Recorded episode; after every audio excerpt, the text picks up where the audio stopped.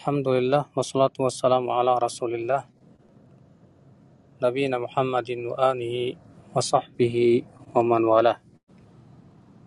Asyhadu an la ilaha illallah wahdahu la syarikalah wa asyhadu anna Muhammadan abduhu wa rasuluh amma ba'd. Suaranya jelas Kak? Jelas banget Ustaz, bagus. Iya. Baik, sekarang kita masuk ke Al-Mas'alatus Sabi'ah, masalah yang ketujuh. Ma, yajibu lahul wudu. Apa saja yang diwajibkan untuk berwudu? Artinya wudu itu diwajibkan untuk apa aja? Kata beliau, wa yajibu 'alal mukallafi fi'lul wudu'i lil umuril atiyah. Wajib berwudu sebelum melakukan perbuatan-perbuatan berikut ini. Yang pertama as-salah, itu salat. Artinya wajib berwudu sebelum salat karena itu merupakan syarat sahnya. Di hadis Ibnu Umar marfu'an berdasarkan hadis Ibnu Umar secara marfu' la yaqbalullahu salatan bi ghairi thuhurin wala sadaqatan min ghulul. Allah tidak akan menerima salat dengan tanpa bersuci. Yang dikeluarkan oleh Imam Muslim dan At-Tirmidzi.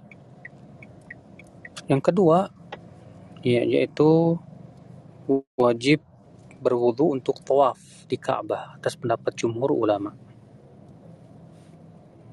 Ya, baik itu tawaf wajib maupun tawaf sunnah. Ini berdasarkan perbuatan Nabi SAW bahwa beliau berwudu sebelum bertawaf. Ya, demikian pula sabda Nabi SAW, At-tawaf fil baiti salah. Tawaf di Ka'bah itu adalah salat. Illa anna Allah ahaba fihil kalam, akan tetapi Allah membolehkan padanya berbicara. Yang dikeluarkan oleh Imam Ibn Hibban dan Al-Hakim. Namun diikhtilafkan para ulama apakah ini dari sabda Nabi atau dari perkataan Ibnu Abbas. Ya, yang dirojihkan oleh Syekhul Islam Taimiyah bahwa ini dari perkataan Ibnu Abbas bukan dari sabda Nabi Shallallahu Alaihi Wasallam. Waliman ilha'id min tawaf hatta tathur dan juga dikarenakan Nabi melarang wanita haid untuk tawaf sampai ia bersuci, sampai ia namanya sampai ia mandi dan telah suci dari haidnya. Ya. Ini hujah jumhur yang menunjukkan bahwasanya wajib berwudu untuk tawaf. Sementara Imam Abu Hanifah berpendapat tidak wajib wudu untuk tawaf. Adapun perbuatan Nabi tidak menunjukkan kepada wajib. Bahkan kata Syekhul Islam Taimiyah bahwa Nabi SAW ketika haji bersama orang yang sangat banyak. Yang haji bersama Nabi waktu itu ada 100 ribu sahabat. Ya ada 100 ribu orang yang ikut. Namun tidak ada satupun perintah dari Nabi SAW ya untuk berwudu ketika hendak tawaf. Iya. Dan juga dikarenakan kalaulah sejumlah itu yang sangat banyak harus berwudu terlebih dahulu dan saat itu kan air sangat minim sekali tentu ini menyusahkan kata beliau. Ya. Allah alam. Yang lebih hati-hati tentu kita berwudu terlebih dahulu ya untuk tawaf. Kemudian yang ketiga mashul mushaf. Ya bibasyaratihi bila hail yaitu wajib berwudu bagi mereka yang ingin memegang mushaf secara langsung tanpa ada perantara. Berdasarkan firman Allah, la yamassuhu illa al-mutahharun. Tidak ada yang memegangnya kecuali orang-orang yang disucikan. Ya juga sabda Nabi SAW, la yamassul Qur'an illa tahir. Tidak boleh ada yang memegang Al-Quran kecuali orang yang suci. Ini pendapat jumhur ya dan ini pendapat banyak para sahabat Nabi Shallallahu Alaihi Wasallam seperti Salman Al Farisi di mana beliau tidak mau memegang mushaf dalam keadaan berhadas.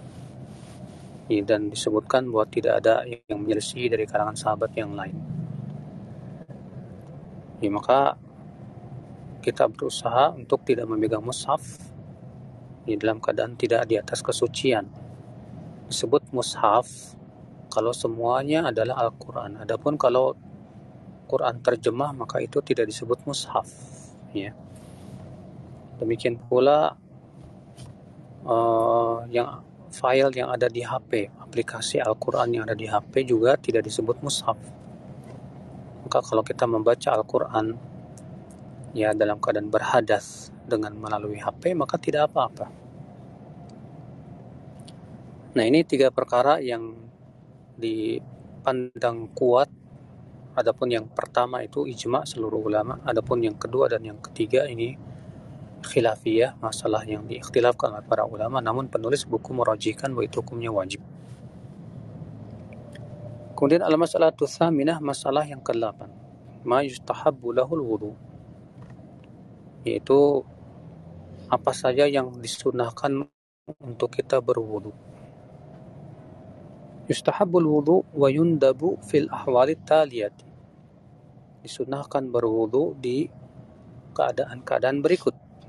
Yang pertama inda zikrillah ta'ala wa qiraatil Qur'an. Ketika hendak berzikir kepada Allah dan membaca Al-Quran.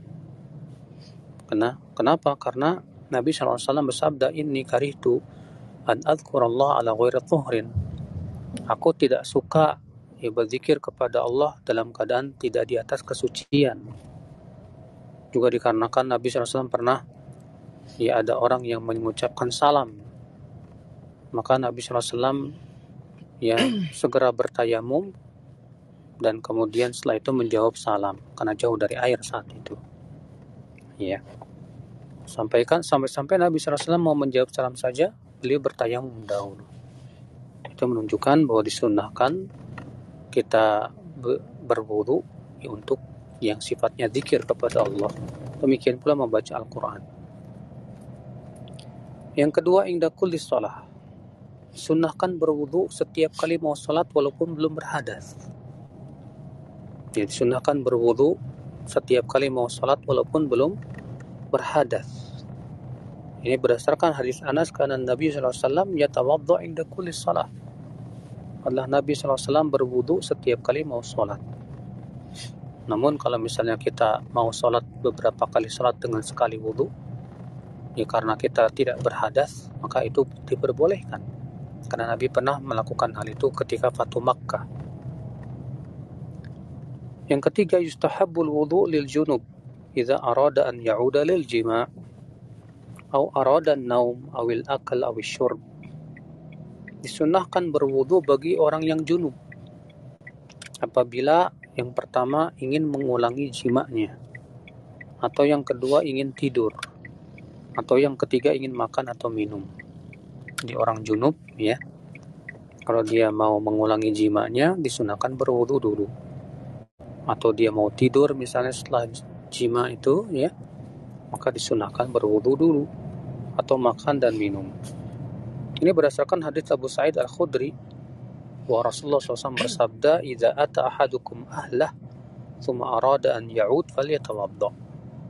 Apabila salah seorang dari kalian mendatangi istrinya kemudian ingin mengulangi kembali maka hendaklah ia berwudu dikeluarkan oleh Muslim.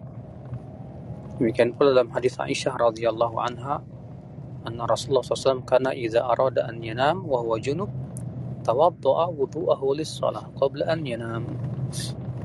Ya, bahwasanya Rasulullah SAW apabila ingin tidur dalam keadaan junub maka beliau berwudu dulu seperti wudunya untuk sholat Ya, dalam satu ayat yang lain beliau mencuci kemaluannya lalu berwudu seperti wudunya untuk sholat sebelum ya beliau tidur. Dan dalam ayat yang lain juga ya di, yang dikeluarkan oleh Imam Muslim apabila beliau mau makan atau minum. Yang keempat al-wudu qabla al-ghusl. Sunahkan berwudu sebelum mandi, terutama mandi janabat ini berdasarkan hadis Aisyah radhiyallahu anha yang berkata adalah Rasulullah SAW apabila hendak mandi janabat beliau memulai dengan mencuci dua tangannya. Kemudian beliau menuangkan dengan tangan kanannya ke tangan kirinya lalu mencuci kemaluannya. Kemudian beliau berwudu seperti wudunya untuk sholat. Jadi keluar oleh Muslim. Yang kelima, ing dan naum. Ketika hendak tidur, walaupun dia tidak junub. Berdasarkan hadis Al-Bara' bin Azib, ia berkata Rasulullah SAW bersabda, "Idza ataita mabja'aka fatawadda wudhu'aka lis-shalah." Thumma taji ala shiqqika al-ayman. Ya, apabila salah apabila kamu mau mendatangi tempat tidurmu, maka berwuduklah seperti wudukmu untuk salat. Kemudian berbaringlah di atas rusuk kananmu ya ini dia perkara yang disunahkan untuk berwudu demikian nah, semoga bermanfaat Wabillahi taufik, ya silakan. Mau kalau ada mau bertanya. Baik Ustaz, jazakumullah khairan atas waktu dan ilmunya di antara perjalanan antum. Dan teman-teman sekalian kita masuk ke sesi tanya jawab bagi yang ingin bertanya silakan menekan tombol raise hand-nya dan atau bisa menuliskan di kolom back channel. Baik, kita coba untuk menaikkan beberapa penanya. Mohon bersabar sebentar untuk diatur teman-teman. Ya, Silakan Cakra bertanya satu pertanyaan singkat dan padat kepada Ustadz Nandano. Ana boleh uh, nanya di luar tema nggak Ustadz? Silakan. Uh, bagaimana hukumnya seseorang wali jika menikahkan anaknya yang uh, uh, di luar nikah, Ustadz? menikahkan anaknya yang berzina maksudnya ya? Apakah sah? Enggak, Ustaz. Maksud saya anaknya dari hasil zina, apakah sah dia menikahkan anaknya itu? Dia sebagai walinya gitu. Tidak sah. Karena itu bukan anaknya. Ibu anak itu bukan anaknya. Ya, jadi kalau anak di anaknya dia itu adalah anak hasil zina, maka bapaknya tidak sah untuk menjadi walinya. Yang menjadi walinya adalah wali hakim. Demikian. Baik, Ustaz Jazakumullah khairan jawabannya dan selanjutnya Pak Saleh Tafadol langsung ya. bertanya kepada Ustaz. Ya. Alhamdulillah, syukran Bang Zul. Assalamualaikum warahmatullahi wabarakatuh Ustaz. Semoga Ustaz kita semua dan kaum muslimin diberikan kebaikan dan keselamatan di dunia dan di akhirat. Amin. Ustadz, kalau kita selalu menjaga wudhu, jadi kalau itu bakal kita wudhu lagi begitu, apakah itu sunnah atau lebih utama begitu? Syukran, jazakallahu khair. Barakallahu. Iya, itu sunnah. Menjaga wudhu setiap kali berhadas lalu kita berwudhu itu sunnah. Ya, berdasarkan hadis Bilal Rasulullah bersabda kepadanya, Ya Bilal, bima sabaktani ilal jannah. Hai Bilal, dengan apa engkau mendahuluiku ke surga? Iya. Kata Bilal, ya Rasulullah, ya, wahai Rasulullah, ma ahdathu hadathan qat illa tawadda'tu inda wa sallatu wa sallaitu bihi raqatain. Wahai Rasulullah, tidaklah aku berhadas kecuali aku berwudu Lalu aku sholat dua rakaat. Kata Rasulullah bihima, dengan itu kamu masuk surga. Hadisnya syairat muslim. Nah. Syukran, jazakumullah khair, barakallahu fikum. Ya, Fik, barakallah. Terima kasih atas pertanyaannya, Pak Saleh. Dan selanjutnya, Ukti Yumiati, Fadal. Langsung bertanya kepada Ustaz, satu pertanyaan sih dan padat. Dan jangan lupa untuk tidak melembutkan suaranya ya. Bismillah, Assalamualaikum warahmatullahi wabarakatuh. Ustadz, eh, tadi kalau apa perbuatan yang wajib wudhu salah satunya adalah memegang mushaf ya. Kalau sholat itu kan tidak wudhu, eh, sholatnya tidak diterima. Nah kalau mushaf misalnya kalau kita tidak wudhu memegang itu bagaimana jadi hukumnya Ustadz? Atas pendapat yang mengatakan wajib berwudhu ketika hendak memegang mushaf, lalu ternyata kita memegang mushaf dalam keadaan tidak berwudu, maka itu hukumnya berdosa. Ya. Hukumnya berdosa kalau kita membaca Al-Qur'an ya, maka kita tetap dapat pahala tapi kita berdosa kalau kita memegang mushaf. Ini atas pendapat yang mengatakan wajib ya. Adapun atas pendapat pendapat yang mengatakan tidak wajib memegang mushaf harus berwudu, maka tidak berdosa. Tapi dia melakukan sesuatu yang dimakruhkan saja. Allah Ya, Syukron jazakallah.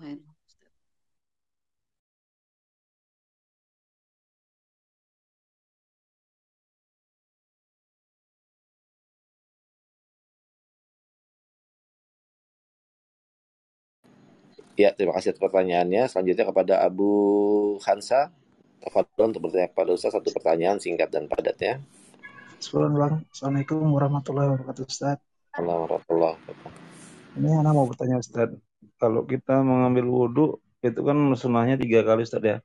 Kalau misalnya sekali itu kita berwudhu, gimana Ustaz? Sah apa enggak sholatnya Ustaz? Sebelum Ustaz jadi khair. Assalamualaikum warahmatullahi wabarakatuh. Kalau kita berwudhu, mencuci anggota wudhu tiga kali. Kalau sekali aja boleh, boleh. Karena Nabi juga pernah melakukan itu. Karena itu batasan yang paling rendah. Dalam riwayat Bukhari disebutkan bahwa Nabi SAW tawaddu'a marrah marrah. Nabi SAW pernah berwudhu sekali-sekali saja. Demikian. Iya. Barakallahu fiikum Ustaz atas pertanyaannya, atas jawabannya. Abu udah terjawab ya. Dan selanjutnya, bang, bang. Baik, sama-sama. Terima kasih atas pertanyaannya. Kepada Bang Oto, tafadol. Assalamualaikum warahmatullahi wabarakatuh. Uh, semoga sehat selalu Bang Zul, Ustadz, dan diberikan keberkahan atas ilmunya.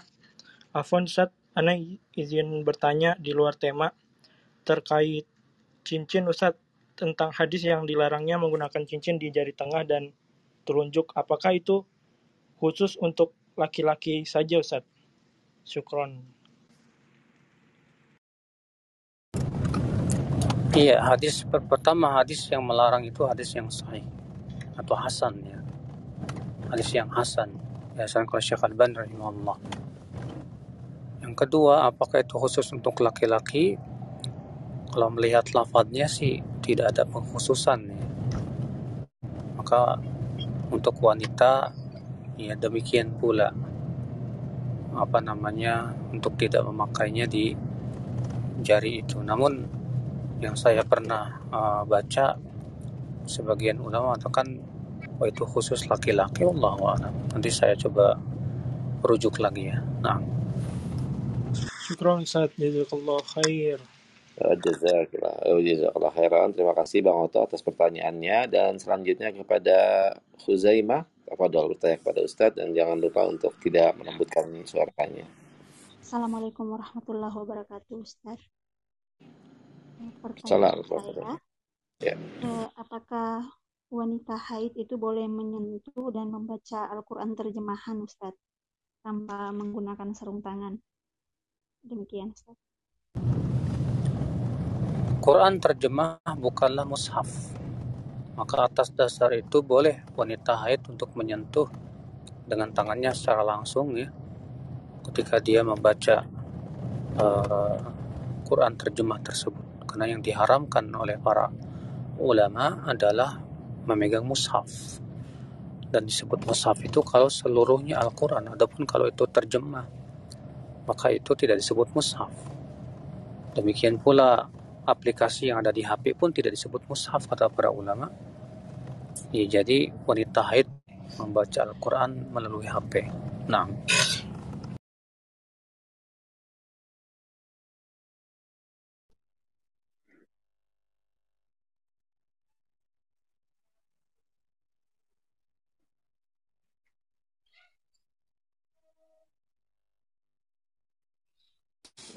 Uh, tadi anak telepon masuk. Uh, selanjutnya pada Ah Ahmad Tafadul untuk uh, untuk bertanya kepada Ustadz. Ahmad, ya.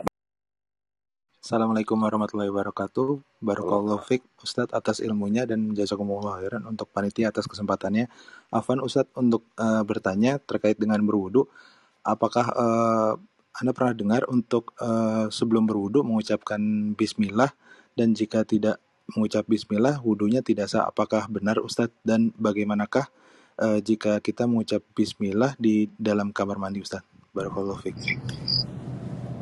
Ini sebetulnya sudah pernah kita bahas pada pertemuan lalu ya.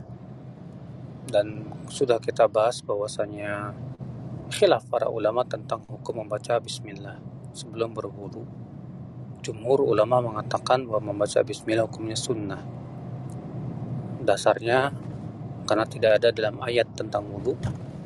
Demikian pula para sahabat yang menceritakan tentang wudhunya Nabi pun tidak menyebutkan bahwa mereka membaca basmalah apa bismillah. Sementara sebagian ulama mengatakan hukumnya wajib. Ini pendapat yang dirojikan oleh Syekh Al-Bani. Demikian pula condong kepada Syekh Abdul Aziz, Syekh Abdul Aziz bin Baz. Berdasarkan hadis la salata liman la wudu'a lah wa la wudu'a liman lam yadhkur ismallahi. Ya. Tidak sah salat bagi orang yang tidak berwudu dan tidak sah wudu bagi yang tidak membaca bismillah. Mereka yang mengatakan wajib mengatakan bahwa hadis ini tegas jelas menunjukkan bahwa tidak sah wudu. Ya bagi mereka yang tidak membaca bismillah. Sementara jumhur memandang pertama hadis ini ada padanya kelemahan. Yang kedua, kalaupun itu hadisnya sahih, kata mereka bahwa kata-kata la di situ tidak menunjukkan kepada wajib.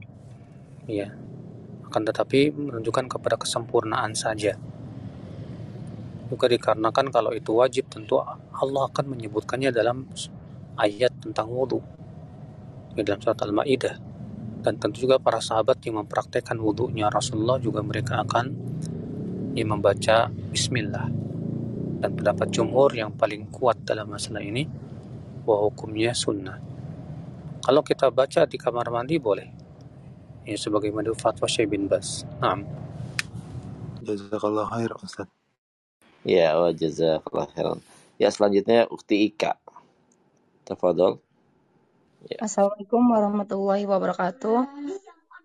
Uh, ini Ustadz mau nanya, misalnya kita perempuan kan mau sholat zuhur wudhu dulu, kemudian sholat, setelah sholat wudhu, uh, setelah sholat zuhur selesai, kemudian tiba waktu asar.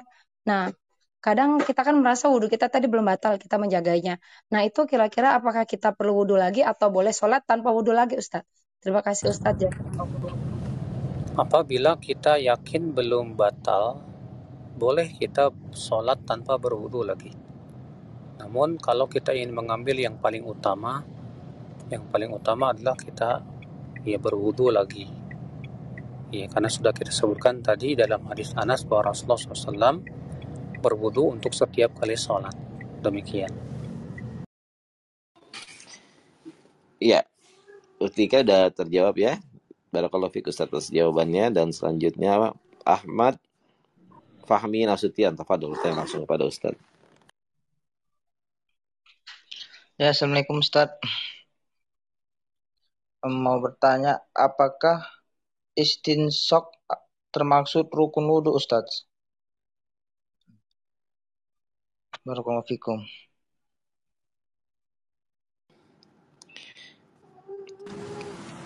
Istinsyak ya terjadi ikhtilaf para ulama apakah istinsyak itu hukumnya wajib atau hukumnya sunnah. Uh, jumhur ulama berpendapat bahwa istinsyak itu hukumnya sunnah saja. Ya, kenapa sebagian ulama mengatakan bahwa istinsyak itu hukumnya sunnah? Alasannya karena tidak disebutkan dalam ayat wudhu. Allah hanya mengatakan bahwasanya ya cukup mencuci wajah. Namun Imam Ahmad berpendapat itu hukumnya wajib. Kenapa? Karena hidung dan mulut termasuk wajah. Juga dikarenakan Nabi Shallallahu Alaihi Wasallam memerintahkannya, dan Nabi pun juga tidak pernah sekalipun dalam berwudu meninggalkannya maka itu hukumnya wajib dan ini pendapat yang paling kuat bahwa istinsyak itu hukumnya wajib Allah alam. Ya, Pak Ahmad sudah terjawab ya. Ya, oke. Okay. Ya, ya. Ustaz. Jazakallah khairan. Terima kasih atas pertanyaannya dan selanjutnya kepada Ufti Besa, Tafadol, untuk menghidupkan mic-nya. Eh, jazakallah khairan. Assalamualaikum warahmatullahi wabarakatuh. Semoga Allah menjaga Ustadz dan merahmati Ustadz keluarga juga dan juga umat muslim seluruhnya. Pertanyaan anak Ustadz, uh, Afwan kalau di luar tema, uh, terkait ujian anak uh, untuk pelajaran akhir sekolah, ada praktek untuk membacakan niat sholat. Bagaimana pendapat Ustadz mengenai ini? Apakah Ana harus mengajarkannya atau uh, minta untuk digantikan dengan tugas lainnya? Jazakallah khairan Ustadz. Uh, mohon diulang Ibu, tapi saya sedikit ada kesibukan. Nah. Oh, iya, aku Ustaz. Jadi uh, ada terkait praktek sholat untuk ujian anak sekolah, Ustadz, yaitu membaca niat sholat uh, untuk kelima uh, sholat wajib. Apakah anak apa harus mengajarkannya kepada anak-anak? Apakah uh, digantikan dengan tugas lainnya? Mohon nasihatnya, Ustadz. Assalamualaikum warahmatullahi wabarakatuh. Niat sholat tidak ada lafadznya yang diajarkan oleh Rasulullah SAW. Dan Rasulullah pun, pun Rasulullah pun tidak pernah mengajarkan untuk melafadzkan niat. Tidak pula para sahabat, tidak pula para tabiin, tidak pula para tabiun tabiin. Maka melafadzkan niat sholat termasuk perkara yang diada-adakan.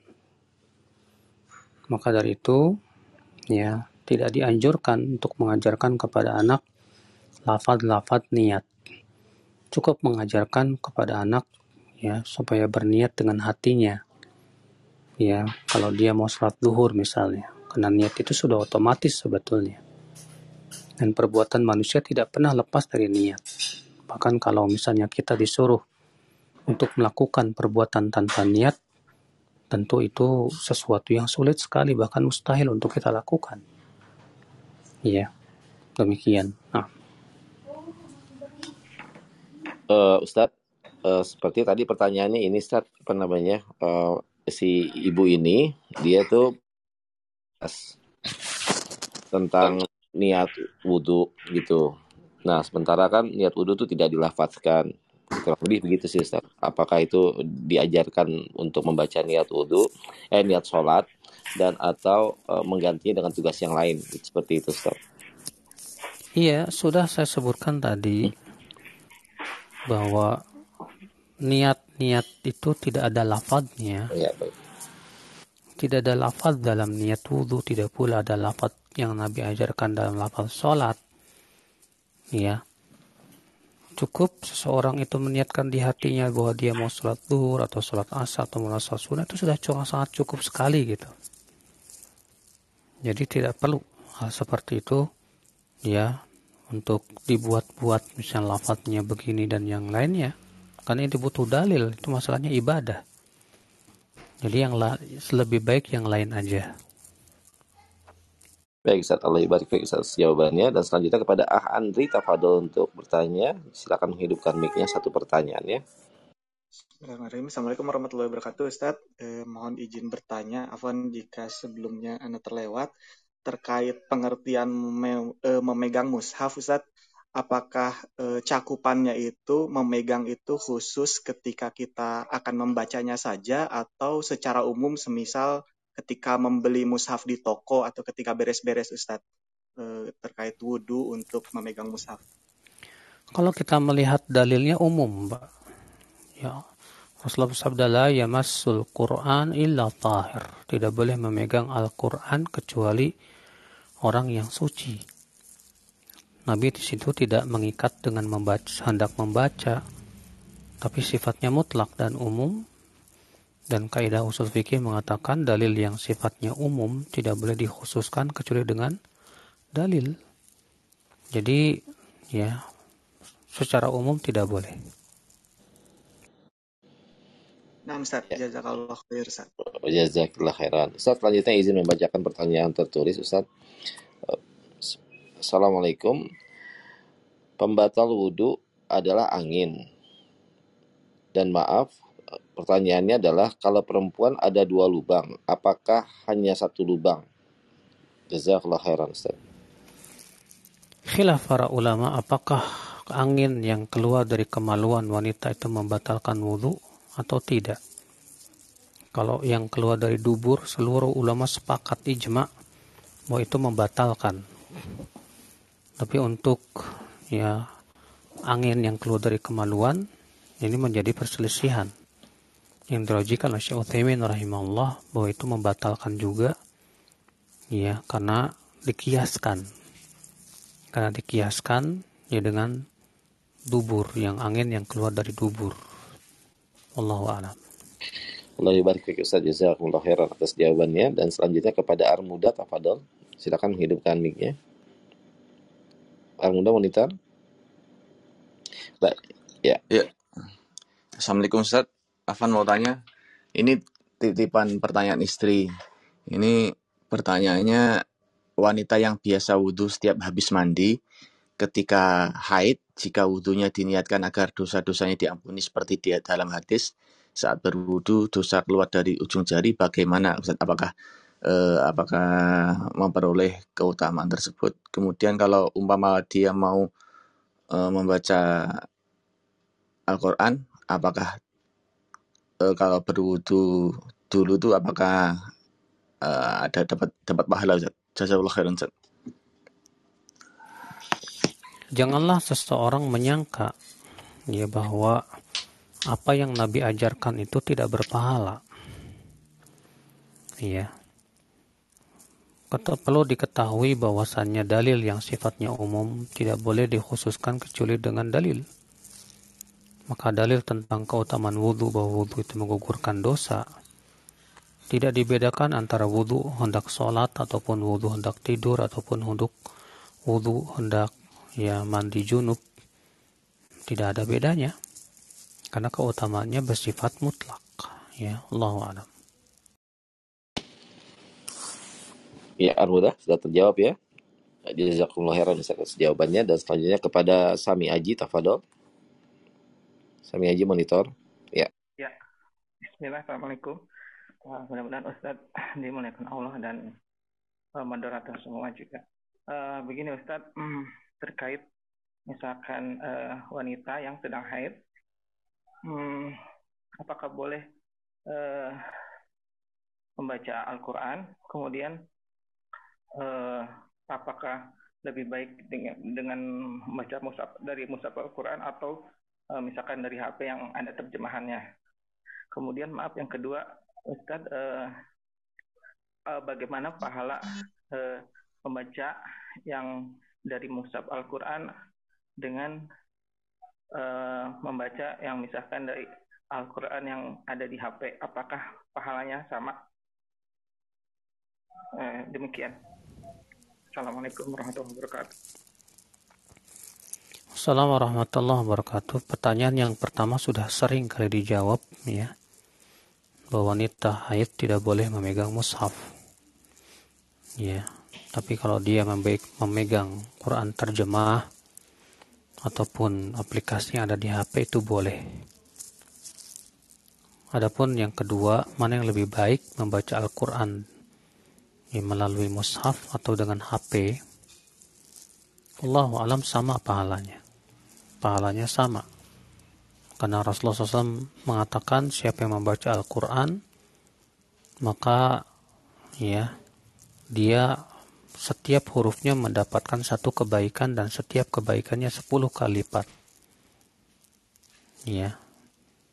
Di situ Rasulullah memutlakan bahwa membaca Al-Quran itu setiap hurufnya dihitung sepuluh. Maka dari itu tidak ada bedanya dalam hal ini membaca melalui mushaf maupun melalui HP. Ya. Namun kalau misalnya kita membaca Al-Quran melalui HP itu lebih ikhlas. Dalam artian tidak ada orang yang tahu ya kalau dia sedang baca Al-Quran sehingga keikhlasannya lebih terjaga itu tentu lebih baik. Ya. Allah a'lam. Ya Allah ibarat Ustaz jawabannya. Dan satu pertanyaan terakhir Ustaz dari Zul. Tafadol Azul menghidupkan mic-nya. Assalamualaikum, apa Ustaz? Uh, apakah termasuk uzur untuk meninggalkan uh, apa? Uzur untuk tidak sholat berjamaah bagi laki-laki yang sedang di jalan, misalnya di kendaraan terus mendengar azan, apakah dia boleh mengakhirkan sholatnya di rumah pada sedang di jalan maksudnya gimana bu? Misalnya mau pergi ke toko gitu ada urusan okay. terus azan gitu apakah harus menjawab harus menepi dulu di masjid atau boleh menyelesaikan urusan terus sholat di rumah. Itu. Apakah termasuk uzur meninggalkan sholat berjamaah yang seperti itu? Pertama, kalau dia pergi dalam dalam rangka safar, maka musafir tidak wajib sholat berjamaah. Ya, musafir tidak wajib sholat berjamaah. Dengan ijma para ulama. Namun kalau dia berjamaah itu lebih utama. Adapun kalau misal dia pergi ya misalnya dia pergi ya ada kebutuhan ya maka mana yang lebih baik apakah dia apa namanya termasuk udur untuk tidak sholat berjamaah di masjid. Ya atau boleh dia mendahulukan kebutuhannya terlebih dahulu baru kemudian sholat uh, berjamaah di masjid. Ya apa namanya baru sholat sendiri misalnya di rumah misalnya. Uh, pertama selama dia mampu untuk bisa uh, apa namanya minggir ke masjid ya maka dia berusahalah semaksimal mungkin untuk mendahulukan itu. Ya. Kenapa demikian? Karena seorang laki-laki sangat ditekankan bahkan ya pendapat yang rajih, pendapat Imam Ahmad wajib laki-laki untuk berjamaah di masjid. Tapi kalau itu sesuatu yang sulit buat dia, kekaidah mengatakan al-masyaqqah tajlibut taisir sesuatu yang sulit itu mendatangkan kemudahan. Allahu a'lam. Tentunya saudaraku sekalian, perkara wudhu adalah merupakan perkara yang hendaknya seorang setiap mukmin memperhatikannya. Karena Nabi menyebutkan bahwa ya yang bisa menjaga wudhu itu hanyalah mukmin. Dan mukmin itu adalah orang yang betul-betul dia mem yang beriman kepada Allah Subhanahu wa taala. Maka dari itulah jangan kita menganggap remeh ya masalah wudhu apalagi itu perkara-perkara yang memang diwajibkan untuk berwudhu padanya. Ya demikian pula kita berusaha berlomba-lomba dalam kebaikan dengan cara mengamalkan yang sifatnya sunnah. Ya karena sesuatu yang sunnah itu semakin menambah pahala kita di sisi Allah. Apalagi berwudu ya adalah penggugur dosa. Semakin banyak kita berwudu, semakin banyak dosa yang apa namanya digugurkan dari kita. Oleh karena itulah ya jangan kita merasa malas ya untuk berwudu ya. Kecuali kalau memang eh, apa namanya kita terkena penyakit ya seperti salisul baul yang kencingnya apa namanya uh, yang apa namanya uh, terkena penyakit misalnya perutnya kentut terus misalnya. Sulit kalau setiap kali kentut berwudu lagi berwudu lagi berwudu lagi sehingga memberatkan. Tapi kalau kita normal ya dan bisa bisa kita jaga wudhu kita setiap kali berhadas kita berwudhu itu sungguh masya Allah ya yang menyebabkan Bilal bin Rabah masuk ke dalam surga. Semoga kita termasuk orang-orang yang bisa berlomba-lomba dalam kebaikan dan termasuk orang yang bisa menjaga wudhu kita. Ya amin ya rabbal alamin. Wabillahi taufik Assalamualaikum warahmatullahi wabarakatuh. Waalaikumsalam warahmatullahi wabarakatuh. Ustaz jazakumullah khairan atas wakaf waktu dan ilmunya Ustaz. Semoga Allah nantiasa menjaga